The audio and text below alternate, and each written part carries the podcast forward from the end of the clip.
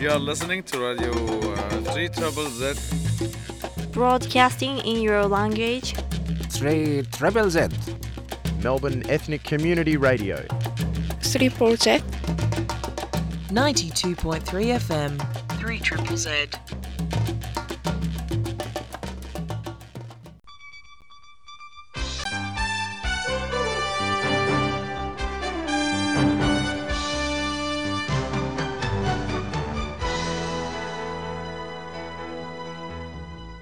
Neues von der jüdischen Welt.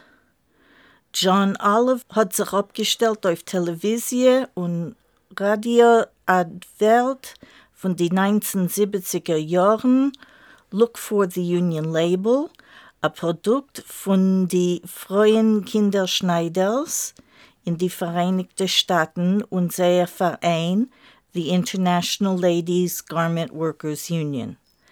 Die Kampagne ist gewesen sehr populär, doch ist die Zoll Union Fabriken in Amerika stark gefallen bis die 1970er Jahren. Der Advert ist gewesen ein Resultat von der jüdischen Arbeiterkultur von dem Verein. Eine alte Bungalow-Kolonie in die Catskill-Berg wird verkauft in New York State in Amerika an erich zwei Schaffen der Stadt New York. Mehrste alte Bungalow-Kolonies werden verkauft zu Haredim. Ein lokaler Stadtrat in Lite hat abgestellt, dass Boyen a Rover Steschke lebende Massenkäfer von jüdischen Gedäuschem, wenn man die Nazis haben umgebracht bis der Zweite Weltmilchome. Das Ort ist an 100 Meilen von der Hauptstadt Wilne.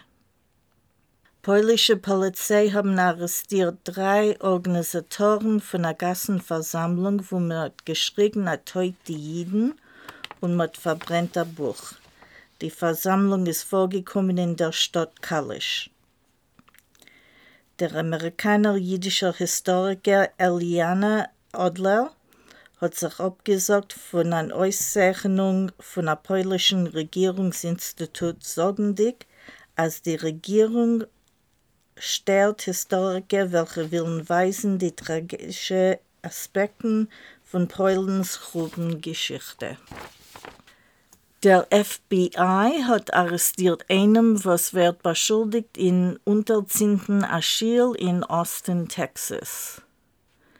Zulieb dem, was der heutige Präsident pro tempore von dem Amerikaner Senat wird nicht kandidieren auf einen neuen Termin auf die kommende Senatwahlen in Vermont, wird der kommende Halter von der Position müsste sein Senator Dianne Feinstein. Ob die Demokraten wollen halten dem Senat, ob die Republikaner wollen haben die Mehrheit in dem neuen Senat nach den Wahlen, wird die Position gehen zur Republikaner. Der Hauptrat von Niederland hat besucht der Besäulung, wo niederländische zivile Leid und Soldaten seien beerdigt zusammen mit nazischen Soldaten.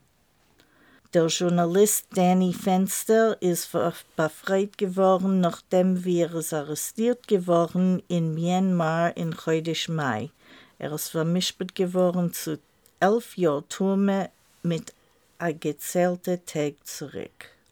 Ein Protest gegen Anti-Covid-Einspritzungen ist vorgekommen in Riverdale, New York in Amerika, vor dem Büro von dem Molochemann Jeffrey Dinowitz mit Hackenkreuzen und Agelle Latte.